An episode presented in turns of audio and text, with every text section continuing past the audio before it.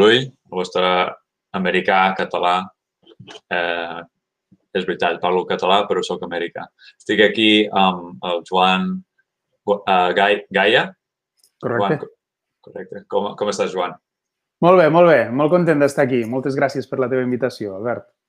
pues, uh, t'he trobat perquè mo, uh, molts m'havien passat un link uh, de la vostra empresa, uh, en, Ante, Anteix, que havien obert un, una, un magatzem a Miami i que estàveu entrant al mercat americà. I, i doncs eh, volia parlar amb tu per a, parlar una mica d'Anteix, de la teva història amb Anteix i, i pots explicar una mica? Sí, i tant. bueno, t'he de dir que estem molt contents, jo personalment i sobretot l'empresa estem molt contents d'aquest projecte, aquest, eh, aquesta nova apertura del magatzem a Miami, que una mica ens, ens, ens fa més americans, no? ens fa locals i ara, ara explicaré a què em refereixo amb això, i, i que és la culminació d'una feina de dos o tres anys eh, molt enfocats a, a aconseguir aquest pas. Llavors, aquest, aquest pas que t'acabo de comentar, que ens fa una mica més americans, és perquè quan jo vaig entrar a Antaix, ara el 2018, ara fa uns anys, eh, un dels objectius que tenia era potenciar l'exportació.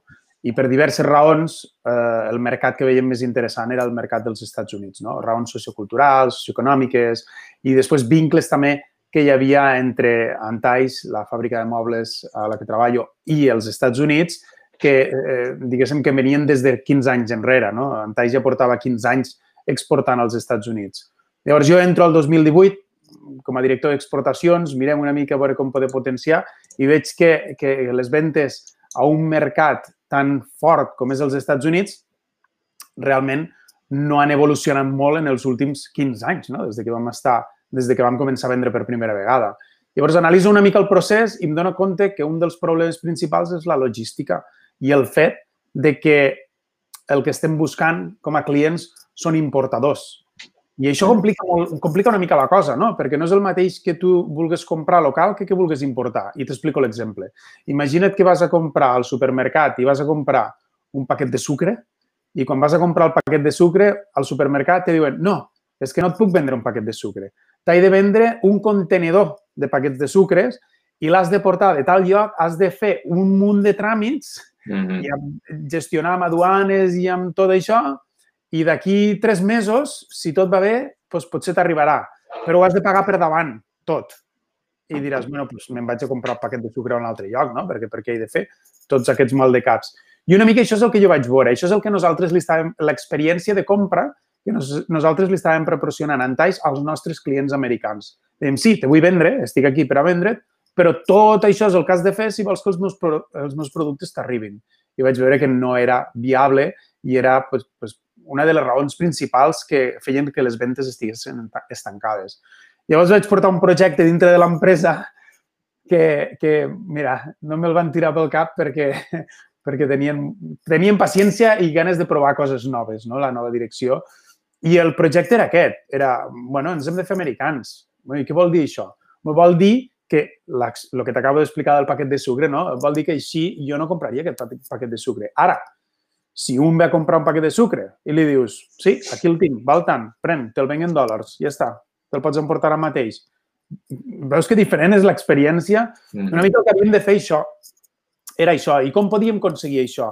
Bueno, doncs per aconseguir això havíem de crear una filial nostra als Estats Units i això és el que hem de fer. Hem creat una filial, una societat allí, eh, amb un magatzem i ara aquesta societat nostra, aquesta filial nostra és la que importa els productes. De manera que quan un client, eh, un professional del moble, que nosaltres venem només a professionals, quan un professional del moble ve i diu, bueno, m'interessen els vostres mobles, vull fer un projecte, li podem dir quan li arribarà, quan li costaran dòlars, eh, facilitats per a la descàrrega i, i estem allí mateix. No necessita fer, i fem nosaltres la importació, no necessita fer tots aquests maldecaps i tots aquests processos que havien de fer abans. I, i és, és part de, és com un partner que heu trobat als Estats Units que, que o és un afiliat o és part de la companyia sencera? bueno, el procés en si del projecte, del qual jo la veritat és, li tinc li tinc molt d'amor, perquè, perquè ha sigut com una revolució dintre de l'empresa. Primer, que, primer això, no? Aquest era el primer pas, de dir, bueno, hem de ser americans si volem vendre més allí. Vale. Què hem de fer? Doncs hem de fer tot això. Ostres, un magatzem allí? Som una empresa amb uns recursos limitats. Bé, però no només això. Els mobles tal qual els, els estem enviant a dia d'avui tampoc els podem enviar així, els hem de canviar. Com que hem de canviar? Llavors les vaig explicar el nou sistema de... No entraré molt en temes tècnics, no? però bàsicament és que havíem de fer-ho tot diferent. Des del magatzem nostre fins al magatzem de Miami, tot havia de canviar. El, la manera d'embalar els mobles, el sistema d'empaquetar, de, el sistema de com els posem dins del contenidor, tot s'havia de fer diferent, d'una manera que no s'havia fet mai. I no, no, això no es pot fer, no, ho hem de fer així. I, i després hem de fer una pàgina web i després hem de fer més coses. I, i tot això com ho farem? Dic, doncs tot això ho farem de manera remota. Ei, però no pot ser. No pot ser. Sí que pot ser. Que pot ser, home, que en la tecnologia que tenim avui en dia, justament el que parlàvem abans, no?, del Covid i tot això, després ha sigut un detonant de que, de que ens ajuda a veure que tot això és possible, no? Mm. Però aquest projecte, el que, el, que, el que volia des del principi era, ok, volem vendre més allí, ens hem de fer americans, però no només això, hem d'optimitzar tot el procés, perquè el procés no està optimitzat. Clar, nosaltres ara li diem al client, jo si vols el paquet de sucre, me'l pagues i fes tot el tràmit, no? I fes-te tu. Ara diem, no, te'l vull portar jo allí, faig jo tots els tràmits per tu, però no només això, te l'he de portar a un preu supercompetitiu. Perquè si no, si arriba allí i el preu s'ha multiplicat per dos, no té cap sentit fer tot aquest moviment de producte. No, doncs llavors hem d'aconseguir que el procés s'optimitzi al màxim per a que l'impacte en el preu sigui el mínim possible i això implicava canviar-ho tot. I com dic, no només això, sinó que a més ho hem de fer de manera remota perquè els recursos són molt limitats. Llavors nosaltres ara ho tenim tot subcontractat, ho gestionem tot des de la nostra, des dels nostres headquarters, el que és l'oficina central, que està a Catalunya, i, i bueno, molts de correus electrònics i molts de whatsapps a la una del matí i a les dues del matí i a les tres del matí. Yeah. però, però per ara el que, ens ha, el que ens ha proporcionat això, sense saber-ho, perquè això és un projecte que, com dic, vam començar a treballar fa dos anys i mig, tres anys, i es va començar a dissenyar d'aquesta manera, sense saber-ho, ara ens ha, ens ha anat perfecte. Perquè ara mateix, quan les fronteres s'han tancat a les persones, nosaltres ens trobem en un projecte que està allí, està molt lluny de casa, però que està ja organitzat des del principi per a que el 100% del funcionament sigui remot. Llavors, no està afectant... Eh, L'altre dia va venir un mitjà, diversos, diferents mitjans de comunicació a, informar, a interessant-se pel projecte i me preguntaven sobretot això, no? Quin impacte està tenint el Covid no? en aquest projecte? Perquè si és un projecte que es va iniciar fa dos o tres anys i ara ha culminat amb aquesta apertura del magatzem i l'inici de, del el tràfic de mercaderies, com ha impactat el Covid? I jo sempre els dic el mateix, no ha impactat, perquè aquest projecte, per sort, des de l'inici es va eh, dissenyar de manera que fos 100% remot. Llavors, mm. eh, la veritat que molt contents del projecte, del funcionament, de com està funcionant i de l'acceptació dels clients dels Estats Units, de Miami principalment, que és on ara estem operant, i, i, i contents també en que el tema Covid no, no ha tingut cap impacte. I el, el, el, el començar a vendre a, Estats Units ha, ha tingut molt, molt d'èxit. Uh, uh, has parlat una mica dels clients. Heu tingut un remote grand opening també o, o com, com ha anat?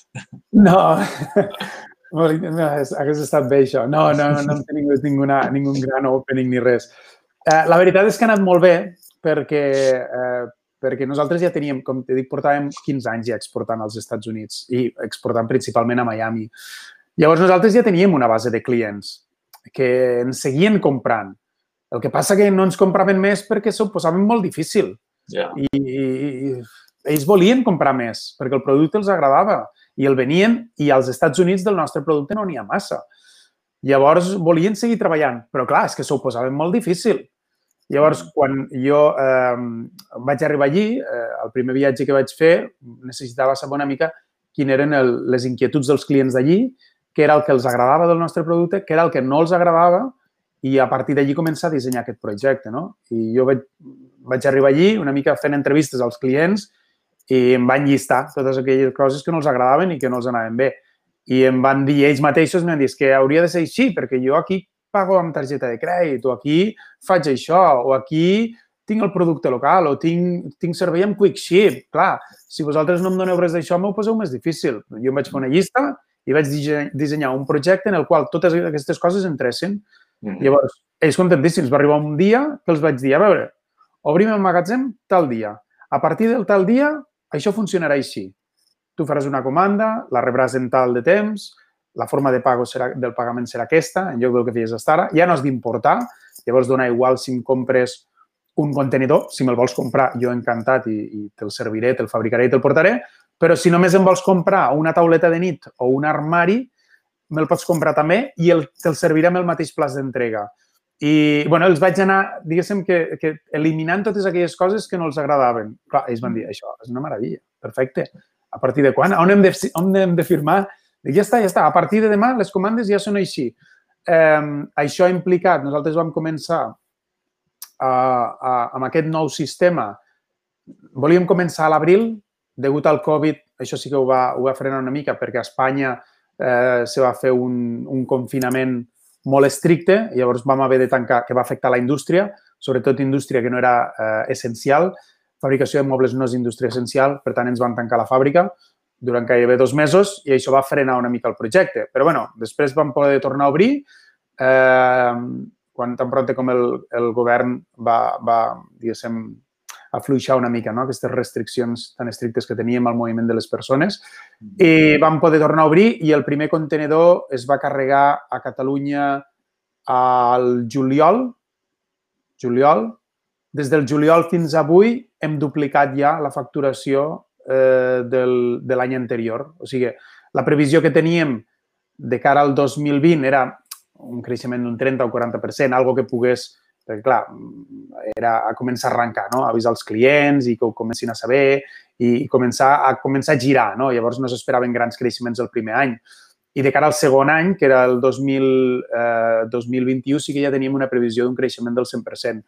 Però, bueno, les expectatives, la realitat ha superat una mica les expectatives. Llavors, a dia d'avui estem en un 100% de creixement i esperem poder mantenir aquest creixement eh, per al 2021, que era la previsió que teníem. Mm, sembla, sí, molt positiu. Un, un creixement estupendo amb els, només dos quarters, no? De sí. juliol fins ara i encara no s'ha acabat l'any. Sí, però jo crec que una mica ha sigut això, perquè sí que hem aconseguit algun client nou, però bàsicament ha sigut els clients que ja teníem, no? Era aquells clients que ja ens gastaven i ens diuen que no puc gastar més perquè m'ho poses molt difícil. Ja. Vale, doncs a partir d'ara t'ho poso fàcil. És el mateix producte, el mateix preu, tot és igual però t'ho poso fàcil. I això ha generat doncs, un 100% de creixement de ventes. Uh, tornem una mica enrere i expliquem una mica de la història d'Anteix i, i potser la relació amb Inmueble, um, com, com es va fundar la companyia o una mica la història. bueno, Antaix es va fundar l'any 1979 o sigui, ara està treballant, eh, està a la direcció de l'empresa, està a la segona generació. És una empresa amb molta antiguitat i porta molts d'anys eh, tocant el moble i inclús va haver uns quants anys que va ser líder del sector en quant a producció de mobles a nivell nacional. No només Catalunya, sinó tot l'estat espanyol. Vull dir, és una fàbrica que ha viscut, ha viscut molts moments, molts moments i diferents moments i diferents etapes. El projecte Immueble és diferent. El projecte Immueble és un projecte meu personal que mm. faig, eh, diguéssim, eh, paral·lelament a la meva feina com a export manager a Antaix.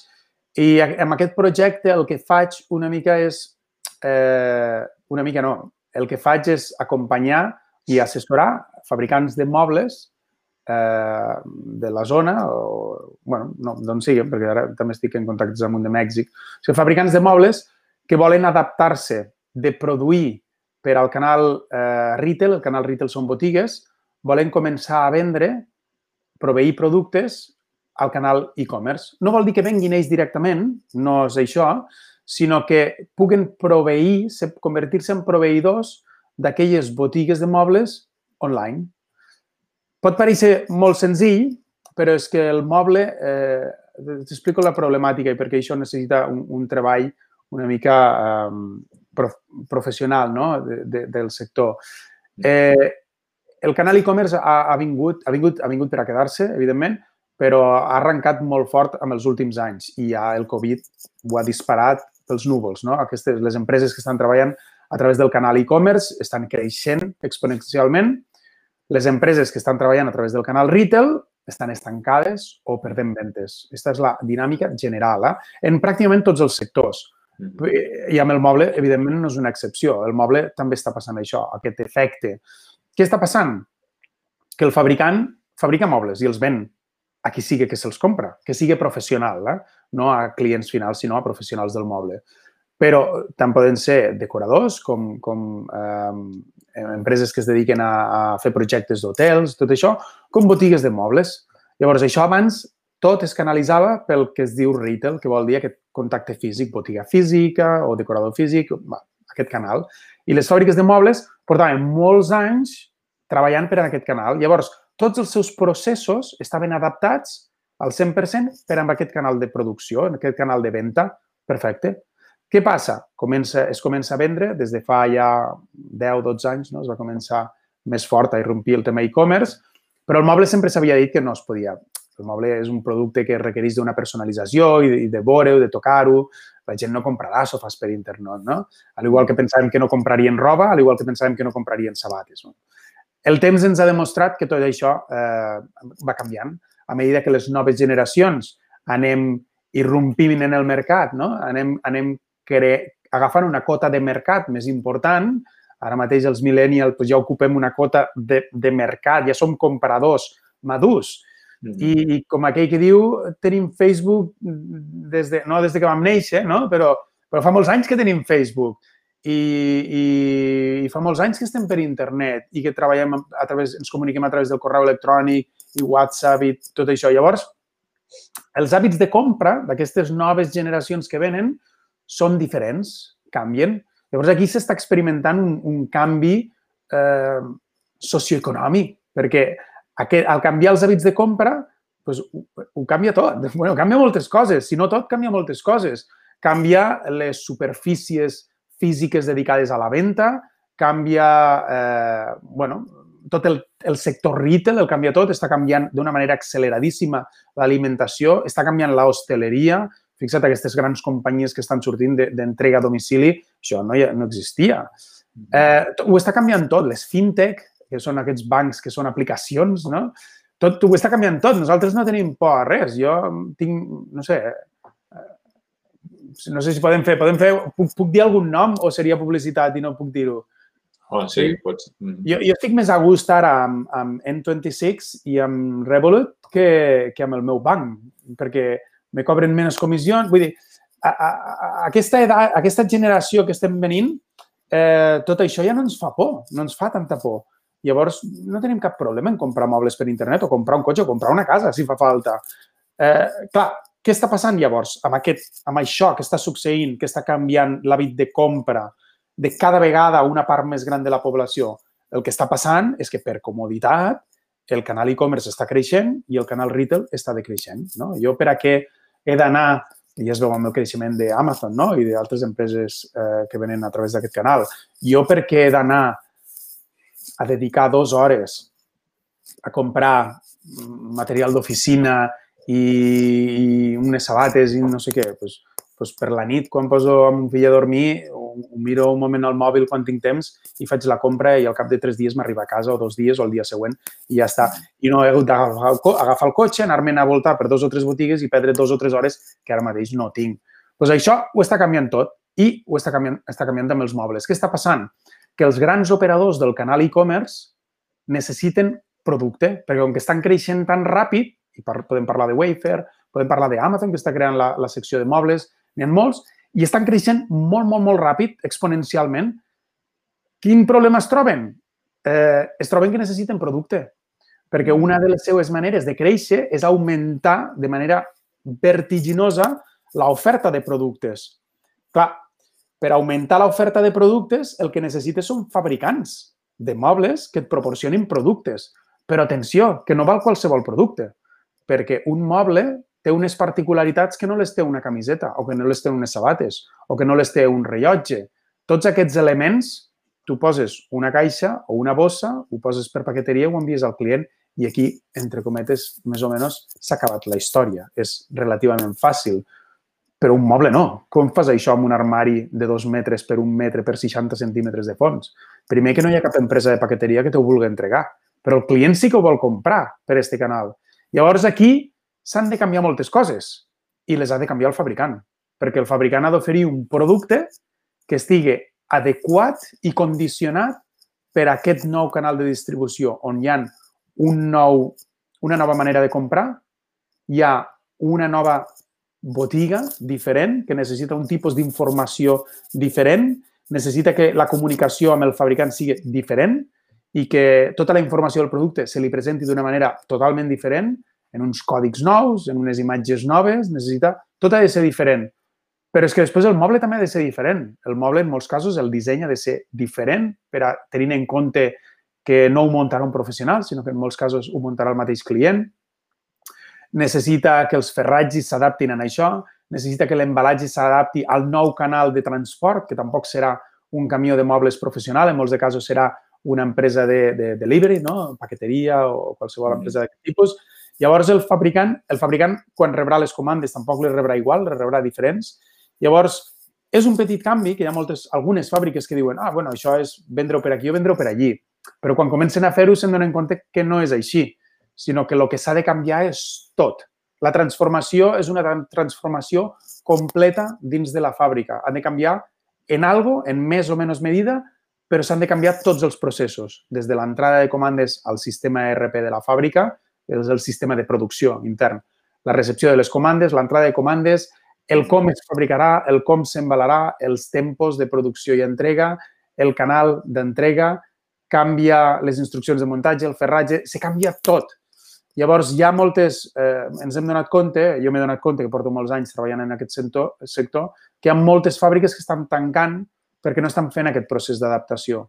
Llavors, junt amb eh, l'associació més important d'exportadors del moble d'Espanya i la marca Moble d'Espanya, és eh, Anieme i la marca Moble d'Espanya, han fet una col·laboració amb Immueble, que és la meva empresa, la meva companyia, i hem creat un programa en el qual ajudem i assessorem els fabricants de mobles a fer aquest procés d'adaptació intern de tots els seus processos per a poder entregar de manera satisfactòria els seus mobles a botigues eh, que venen a través d'aquest nou canal de distribució.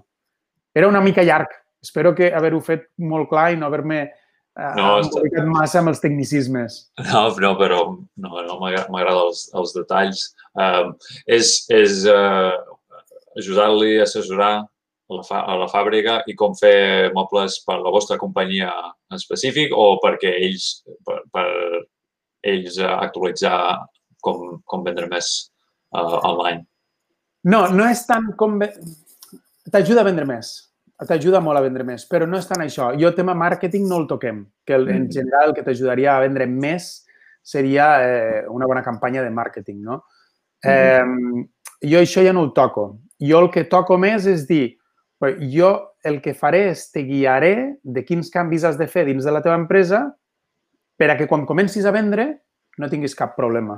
Tothom quedi content. El teu producte arriba bé, no generi reclamacions, el client quedi satisfet, l'operador del canal e-commerce quedi satisfet, tothom quedi satisfet de la teva compra. Ara, una vegada ja has fet això i el producte està arribant correcte, has fet tots aquests canvis i ja està satisfet, a partir d'aquí Eh, eh, escala o no? Ja contracta una empresa de màrqueting i, i ven tot el que puguis.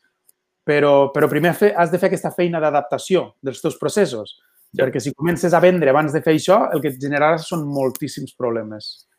I doncs això us dona una oportunitat com en, en Taix, trobar fàbriques extres que tenen capacitat i ja quan es passen per aquest programa, programa d'immoble, sí. eh, poden estar connectats amb la vostra xarxa. bueno, nosaltres, això d'immoble ho faig jo fora d'Antaix, diguéssim. Ah. És, un, és un projecte independent.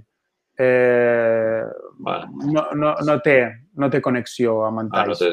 Vale, és un, és un programa separat. Vale. Sí, sí, sí, sí. És un projecte independent. Faig ah. de, de nit i els caps de setmana. Ah. Molt bé.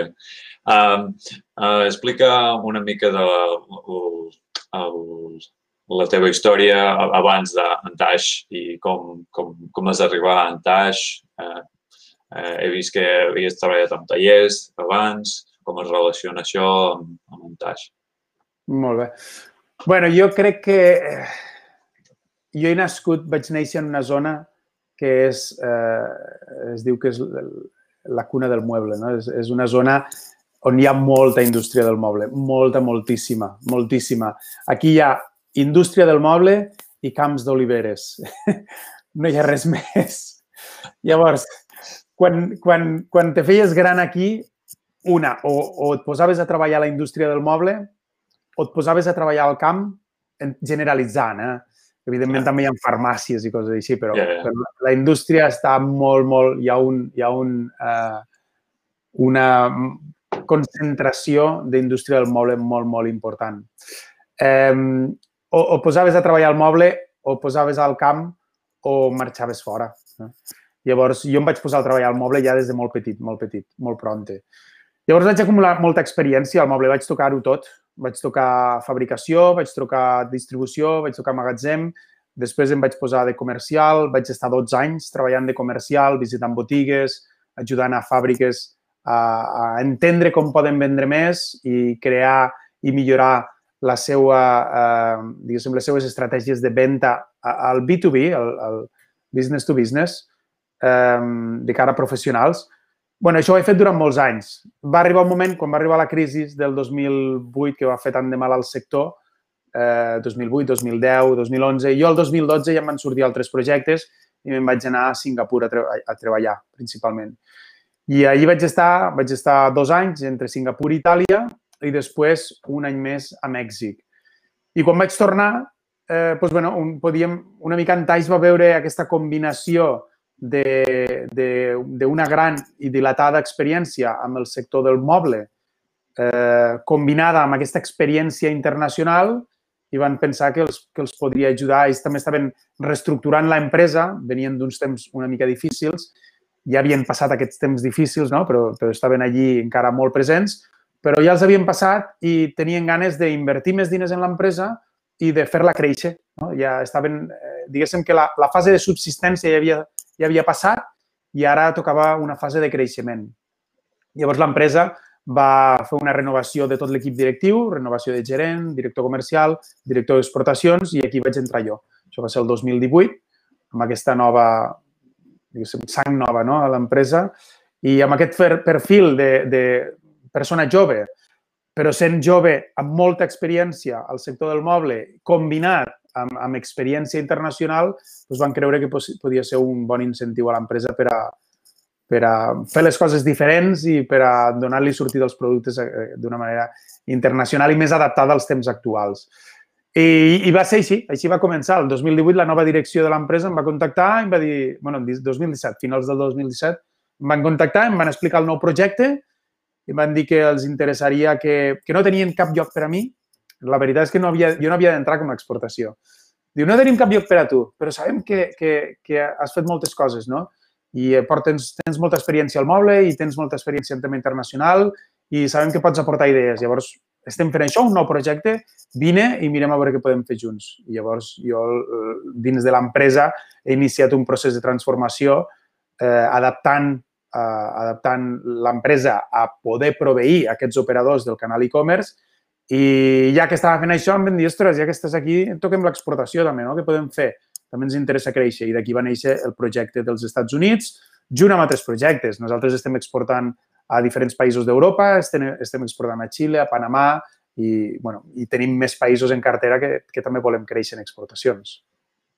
Ah, doncs molt bé, molt bé. Dos, dos projectes grans, no? Entrant al mercat americà i, Mm, adaptant a l'e-commerce, no? Uh, com veus els diferents eh, mercats, eh, com vendre a Estats Units comparat amb Espanya, Catalunya?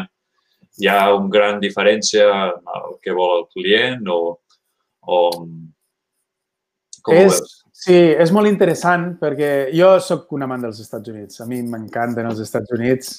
Jo, jo també. Li dic a la, li dic a la dona, dic, quan aquest projecte creixi una mica hem de mirar a veure si podem, podem anar allí i ja potenciar-lo més des d'allí, que segur que farà falta, no?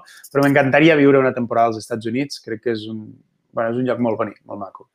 I a més molt gran i es poden fer moltes coses, m'agrada molt.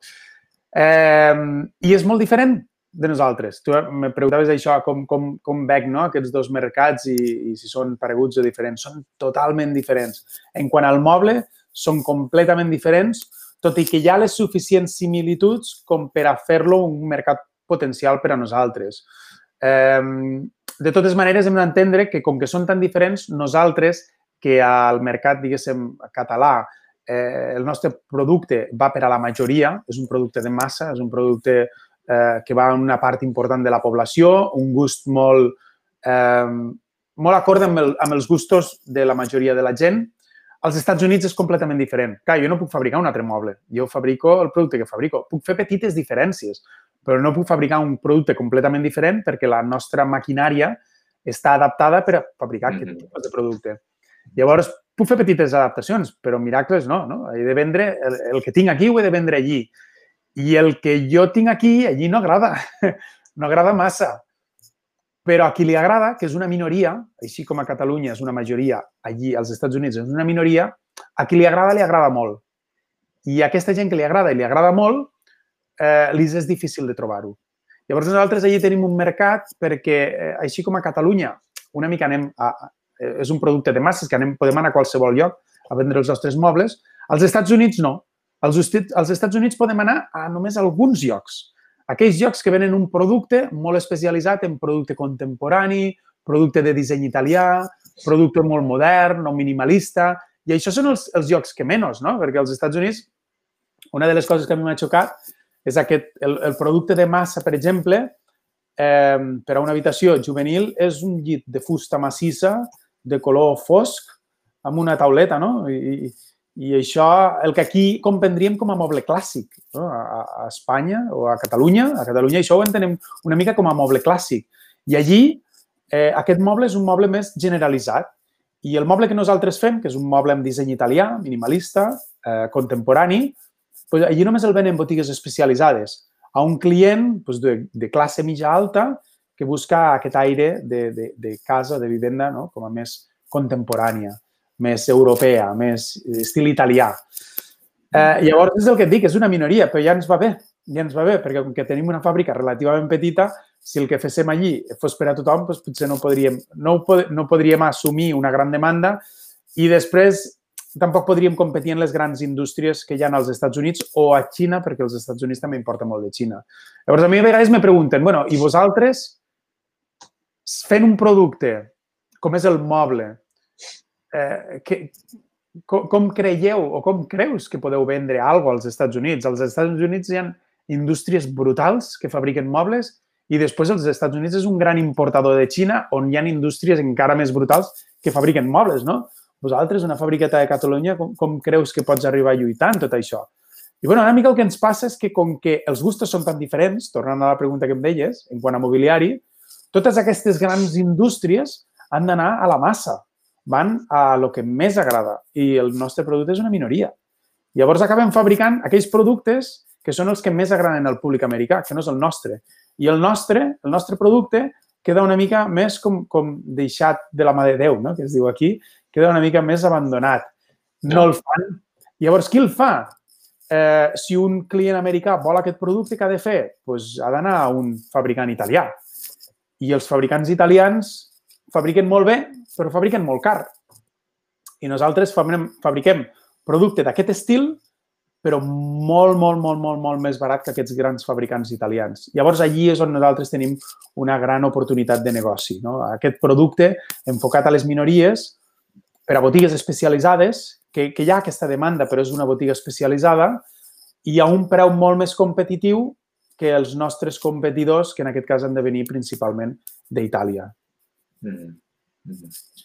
Um, so, no esteu competint contra els Amazons, els Wayfairs, els Ikeas. Um, o sigui, és, és, és més un mercat niche um, especialitzat no? en, en els Estats Units. bueno, fixa't que interessant. És interessant el que dius.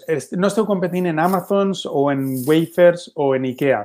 És que Amazon, Wayfair o Ikea podrien ser perfectament el meu client.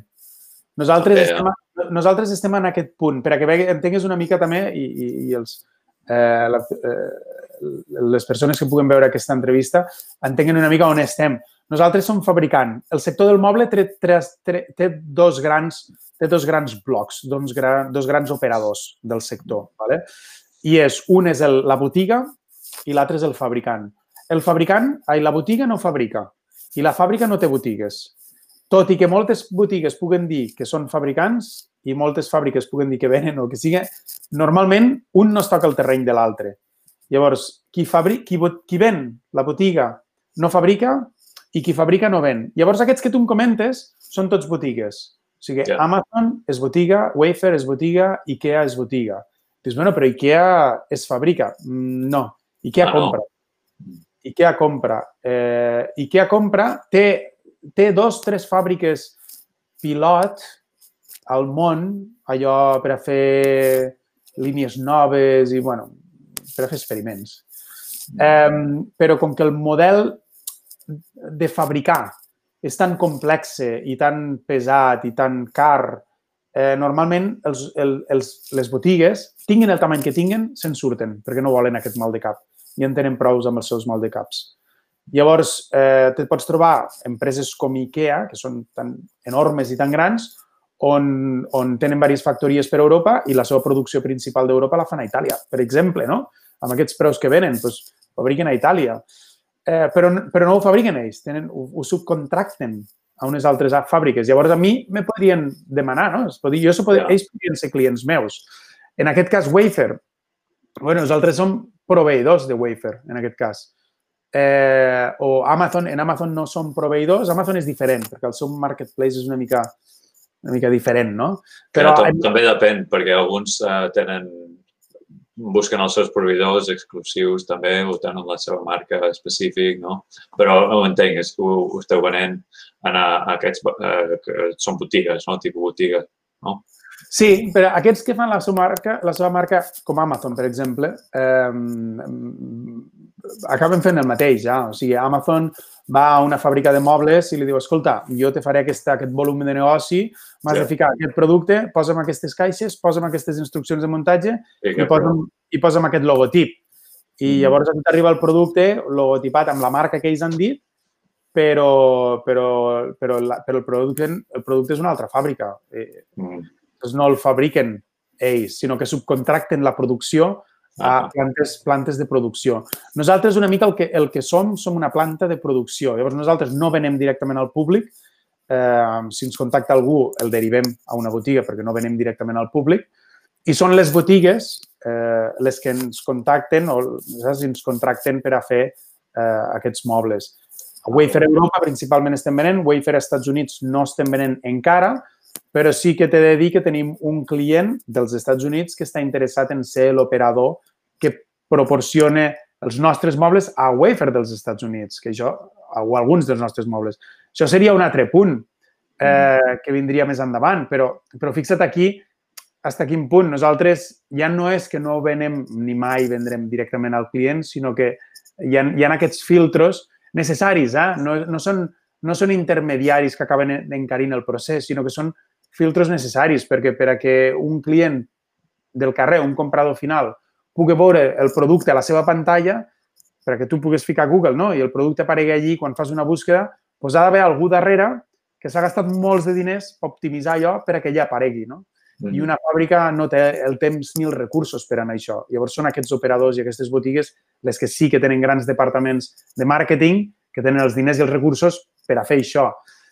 Llavors no els tenen per a fabricar, se gasten els seus diners, recursos i el seu foco està en, en, en, en aparèixer a la pantalla, no? Quan tu fiques, busques una paraula, però no tenen temps de fabricar. Què fan llavors per a fabricar? Van a una fàbrica X i diuen, ei, necessito aquest producte, necessito aquest, pre aquest producte en aquest preu. Això ho pots fer perquè tinc demanda i, mm. i la fàbrica doncs, ho fabrica i ja està. Ah, sí, és com, esteu outsourcing el, el part de, de, de part de venda, no? Les botigues buscant gent que ho, que ho venguin i vosaltres sou el supplier, no? Molt bé, molt bé. Les, les botigues tenen prou amb la feina que tenen i llavors nosaltres som qui ens ocupem de fabricar. A més, una fàbrica de mobles, hi ha molta tecnologia dintre de les fàbriques de mobles, molta tecnologia, i la tecnologia és molt cara. Llavors, segons quines, segons quines empreses no es volen posar amb, amb els problemes que suposa i segons quines altres no tenen els recursos per a fer-ho. No? Per, per fer-te un exemple, l última màquina que m'he incorporat, que és una màquina que fa forats, parlant clar, pel que no sigui del sector, fa forats, ja està. Aquesta màquina val quasi mig milió d'euros per a fer forats. La, la màquina anterior que vam incorporar amb aquesta, dins d'aquesta renovació tecnològica dins de l'empresa, que era un magatzem, un magatzem, un magatzem intel·ligent, última tecnologia, connectat a una màquina que talla. Ja està. És una màquina que emmagatzema i té una grua no? I, i, i connecta en una altra màquina i aquesta, aquesta altra màquina el que fa és tallar. Això va costar quasi un milió d'euros. 600, no, no arribava no quasi un milió, entre, entre el mig milió i el milió. No sé exactament la xifra, però per allí pel mig, no? 600 i pico, 700 i pico. Vull dir que són inversions molt fortes yeah. i, i per a fer un tipus de, de moble molt determinat. Si vols fabricar un altre tipus de moble, un altre estil, necessites una fàbrica diferent, amb màquines diferents, que vol dir una inversió multimilionària un altre cop. És per això que tots aquests operadors han de subcontractar, no tenen cap altra solució que subcontractar. Mm, entès, entès. Com poden la gent comprar eh, els vostres mobles aquí als Estats Units? Eh, recomanes a algú una, una pàgina web o... o... Bueno, molt interessant. Com, molt per exemple, aquí a Oregon. Com a Oregon. Com... Nosaltres ara mateix, clar, acabem, acabem de fer aquest primer pas no, als Estats Units. Llavors, els Estats Units són molt grans i, uns, i un problema que hi ha important és, eh, és la, el transport de mercaderies per a nosaltres. I sobretot el nostre producte, que el nostre producte és un producte que pesa, no? Quan un compra, compra una habitació de custom made, no? que seria feta a mida nostra, estem parlant d'igual 350 quilograms de pes, tots els elements, i de peces diferents no? que s'ha de fer, s'ha de paletitzar. Llavors, la movimentació d'aquesta mercaderia eh, és complexa i, i és cara. Llavors, el que nosaltres, la intenció que tenim és eh, anar oferint una solució logística als professionals, a les botigues de mobles professionals en destí. Ara ho hem oferit a Miami. El següent pas és a la costa, a la costa oest, eh, a Califòrnia. I d'allí, a mesura que anem creixent, ho anirem ampliant.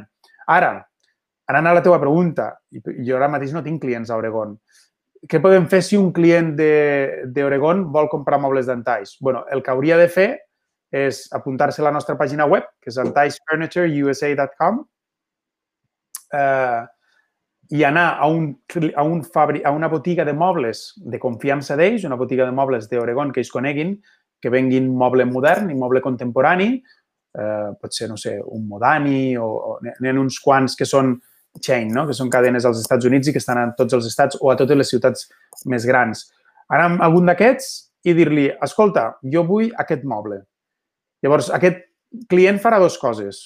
Una, si li vol vendre els nostres mobles, contactarà amb nosaltres i nosaltres li podrem proporcionar els mobles amb aquest client professional per tal que els proporcioni al, al particular que està interessat en fer la compra eh, o no ho voldrà fer i li vendrà una altra cosa, que, bueno, no podem fer-hi més ah. perquè no, no estem allí. Si tingués un client allí, et diria, no, vés amb aquest, que sé que vendrà els nostres mobles.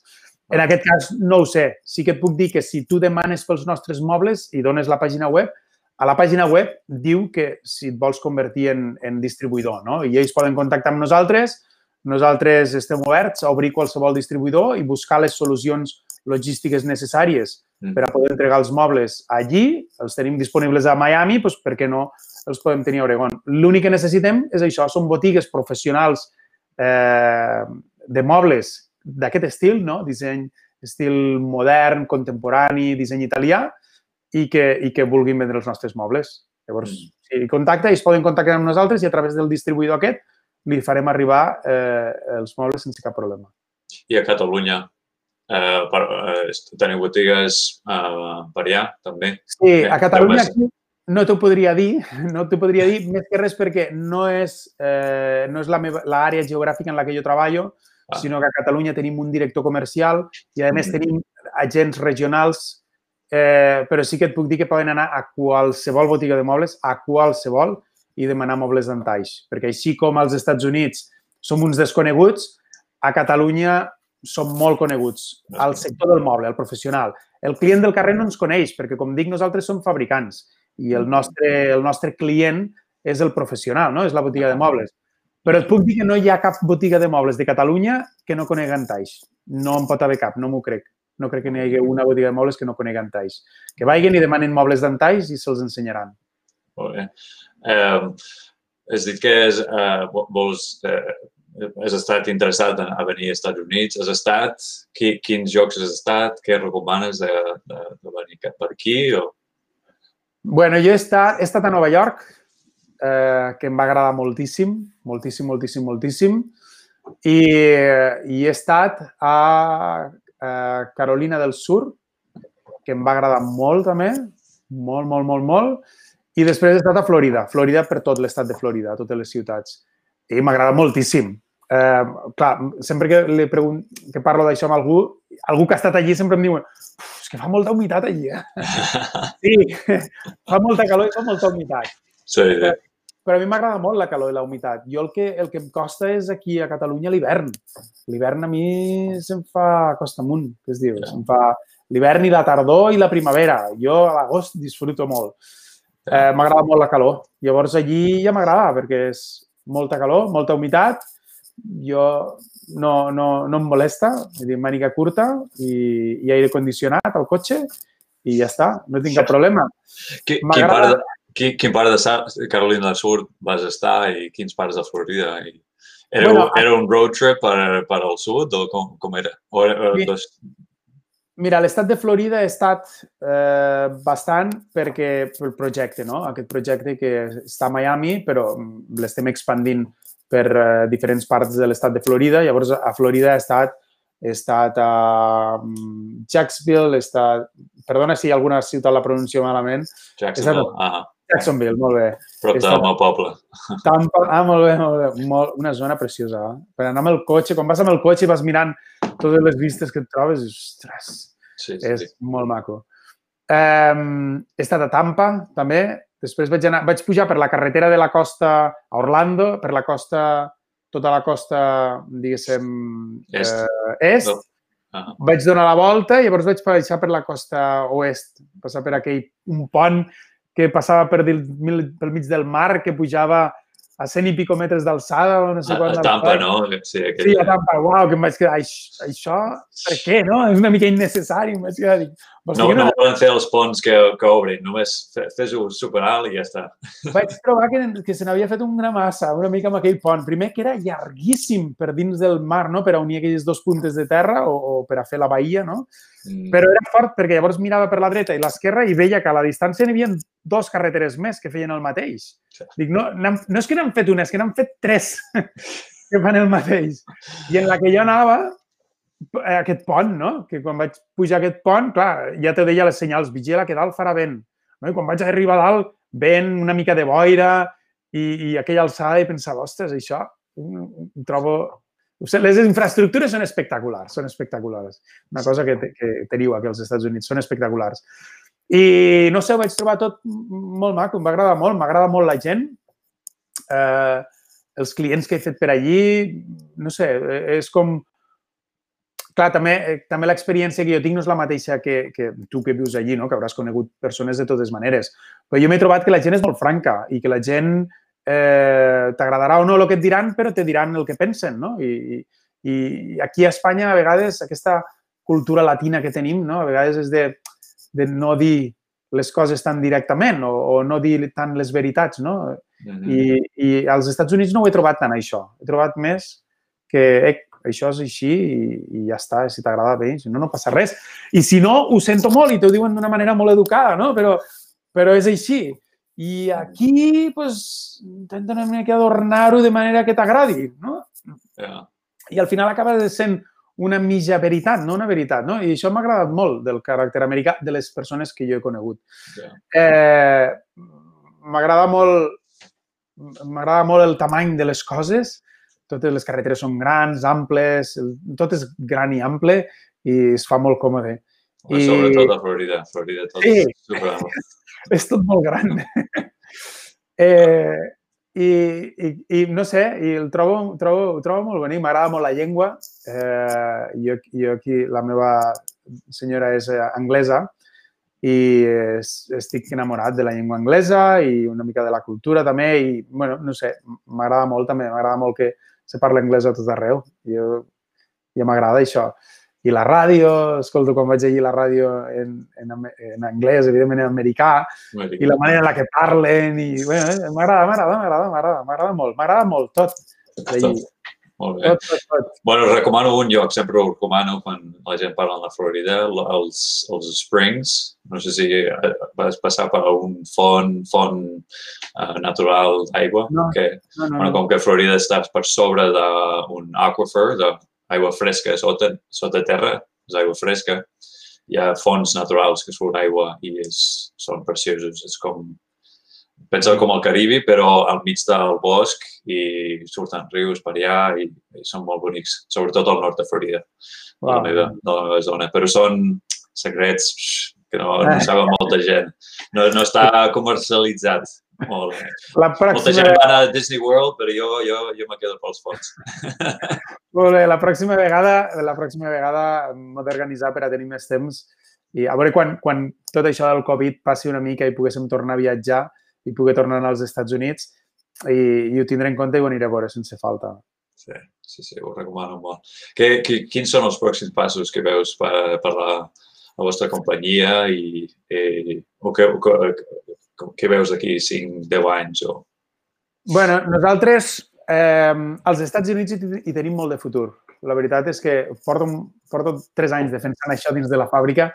Em prenen una mica per boig, no? No només la meva empresa, sinó tot el, tot el voltant, no? Totes les empreses del voltant encara miren així una mica com què fa aquest? Que un magatzem allí...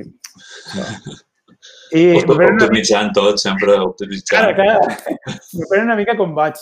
Però jo la veritat és que hi veig molt de futur, hi veig molt de futur perquè crec que és un, és un país eh, en un potencial econòmic impressionant. És, bueno, evidentment, potència número 1 al món, però no només això, és que, eh, diguéssim que per a mi és el lloc perfecte perquè en, en quant a, a per a créixer, no? L'empresa i com a, com a lloc d'expansió ara mateix. Perquè tots els problemes que tenim, que tenim a Europa allí estan resolts. Tots. Quins problemes tenim nosaltres a Europa? Les fronteres.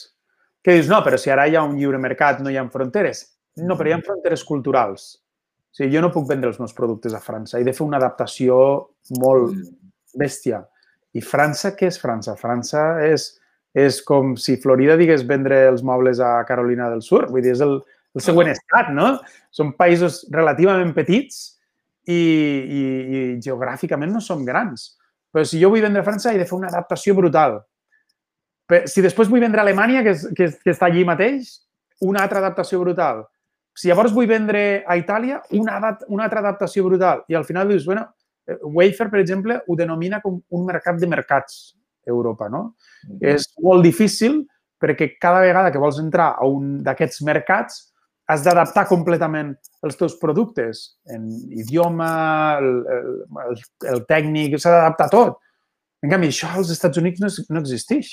O sigui, jo una vegada m'adapte per a vendre als Estats a Florida, que és el que estic fent, còpia-pega, Califòrnia, còpia-pega, eh, Nova York, còpia-pega, Atlanta. Podem, a mesura que vagin sortint clients, nosaltres podem anar creixent. La llengua és la mateixa, les lleis més o menys són les mateixes. Sí que hi ha la complicació geogràfica de que és una extensió molt gran, però tenim allí, no sé si són 400 milions d'habitants de, de potencials o 300 i pico milions de potencials compradors, els quals, una vegada hem adaptat el producte eh, amb la llengua i els canvis que hem de fer, vull dir, i ja tenim l'empresa creada allí ho tenim tot allí, eh, se tracta d'anar a la següent població, no? a buscar un client sempre se tracta d'anar a la següent població a buscar un altre client. Aquí a Europa, aquí no ho podem fer així. I una vegada arribo a la Junquera, ja està. Ja hem acabat. Yeah. Has, que has de transformar el tècnic i has de tenir atenció telefònica amb, en, amb l'idioma, has, de, has de tenir molts, molts de temes per passar de la Junquera al següent poble. Mm. Que allà no. Jo allà faig un client i me diu com, eh, escolta, que tinc una botiga aquí a Orlando però en tinc una altra a Texas, a Texas. Ah, pues perfecte. Vaig a un d'Atlanta, escolta, és que tinc una botiga també a Nova York. Si... No, mentre que me compren i me paguin no tenim cap problema. Allí, clar, això a Europa no és. Mm. Si no, que li preguntin a Wayfair, no? Wayfair fa tres anys o quatre anys que va començar a entrar a Europa i, i a dia d'avui està present a tres mercats d'Europa només, que és Alemanya, Anglaterra i Irlanda perquè tenen la base, diguéssim, les oficines centrals pel tema d'impostos i tot això. Mm. I ja està, no està. Un Wayfair França no existeix, un Wayfair Espanya no existeix, un Wayfair Itàlia no existeix. Per què? Perquè tots aquests problemes que suposa el, el, el fer aquesta adaptació. Llavors, el que dèiem en quant a créixer futur, jo en veig molt de futur als Estats Units. Eh, evidentment, els nostres productes allí són per una minoria, però una vegada tinguéssim, creéssim, haguéssim trobat aquest model de negoci que encaixa amb, amb les particularitats del mercat americà, i a partir d'allí, com dic, només ens cal anar a la botiga del següent poble o de la següent ciutat. Mm. Sí, bueno, mm, majoritament amb l'anglès i l'espanyol aquí ja, ja, ja, va, ja vas bé. Potser una mica diferents jocs, el, culturalment, tenen diferents estils, però sí, és, és veritat. Sí, sí, sí no, no, el, els estils són molt diferents i és per això que jo no veig que eh, el futur nostre als Estats Units mm, no passa per acabar tenint clients a tots els estats dels Estats Units. No crec que sigui el cas. I menys amb el nostre produ- producte, que és molt particular. Però en aquells estats, diguéssim, que tinguen eh, ciutats més grans i que tinguin, eh, diguéssim, que siguin més cosmopolites, eh, el nostre producte, aquest disseny italià contemporani, té capiguda a, a, un, a major o menor part de la població, però té capiguda a tots, a tots aquests estats. Com dic, doncs no sé, eh, clar, jo no em coneixo molt bé la geografia fora d'aquells estats als que estic treballant, però tota la zona més centre, no? Muntanyes rocoses i tot, tot allò, allí hi haurà zones que són molt més d'interior o molt més conservadores que potser el nostre producte serà difícil trobar una botiga especialitzada, però totes aquelles zones més, eh, diguéssim, més cosmopolites que tenen, són ciutats més grans o que tenen una afluència o una, una població més creada en mescla, diguéssim, Sí, eh, com pot ser, bueno, evidentment, Califòrnia, no? que allí hi ha molt de tot, però Florida, Nova York, totes aquestes ciutats que al final mires i la ciutat s'ha creat en una, una mescla de cultures, aquí, aquí nosaltres tenim, tenim molt de potencial. Mm. Mm. Molt bé. Doncs molt bé, Joan. Uh, gràcies per estar aquí un, una estona amb nosaltres. I, uh, com poden la gent uh, seguir seguir-vos o uh, uh, ja, bueno, ja has dit la pàgina web d'Antaix. Uh, te, te poden seguir a tu uh, específicament també o... bueno, nosaltres, a veure, primer que res en quant a Antaix, eh, Antaix tenim Antaix dels Estats Units, que és una, és una empresa independent, totalment independent, és una empresa americana. Ens poden seguir a través de les redes socials, per exemple. Eh, poden mirar el que anem feien, fent nou a través de la nostra web, eh, antaixfurnitureusa.com. Eh, allí aniran veient tot el que anem fent, aniran veient si anem creant distribuïdors nous o botigues noves, perquè allà anem posant tots els nous eh, distribuïdors o les noves botigues que comencen a tenir els nostres productes. Llavors aniran tots allí, a poc a poc, cada un aniran apareixent més i més botigues amb el temps. Ens poden seguir també Antaix Furniture, Furniture USA a la web poden enllaçar a, a la Instagram o a Facebook, qualsevol cosa que ens vulguin dir, comentar a través d'Instagram o Facebook. Estem eh, sempre disponibles. Hi ha un correu també i un telèfon a la pàgina web. Poden enviar-nos algun correu si tenen curiositat de saber alguna cosa respecte als mobles o, o nous distribuïdors, el que vulguin. I nosaltres encantats de rebre eh, correus de, de qui sigui. Eh, I en quant a mi personalment, bueno, jo estic a LinkedIn. Llavors, a través d'aquesta red social, que és la que, la que estic una mica més operatiu, me poden contactar. Joan Gaia, segurament si fiquen Joan Gaia no, no, anem, molt, no són molts. eh, o Joan Gaia no n'hi no ha masses i a partir d'aquí jo, si m'envien una sol·licitud, jo els acceptaré i, i podem estar en contacte, no? Si diuen, ostres, m'ha caigut bé eh, i, i és de Catalunya i vindrà aquí eh, als Estats Units amb aquesta connexió empresarial i, i a mi m'agrada molt la cultura catalana o tal, o el que sigui, i vull estar connectat amb ell. Jo no tinc cap problema, eh? no, no sóc una d'aquestes persones de dir, no, no, el meu perfil super restringit, si no, mm. si no hem anat a dinar quatre o cinc vegades no, no, no te tinc al LinkedIn. No és així. Yeah. Eh? Jo encantat de, connect, de fer noves connexions, encara que sigui d'altres sectors o, o, o gent que treballa eh, en coses diferents del moble i encantat de compartir experiències i d'ajudar-nos en, en, en, en qualsevol tema de feina si podem, cap problema. Vale, doncs molt bé. Pues, moltes gràcies, Joan, per estar aquí. Molt bé. Eh, Albert, moltes gràcies. Moltes gràcies per aquest, aquesta iniciativa que tens, aquest, aquest, aquest interès en, en donar una mica de veu, de veu eh, en aquests projectes de Catalunya i, bueno, moltes felicitats perquè trobo molt interessant i moltes gràcies per la teva invitació. A tu, a tu, Joan, moltes gràcies. Vale, això ha estat un altre episodi de Fora de Catalunya, família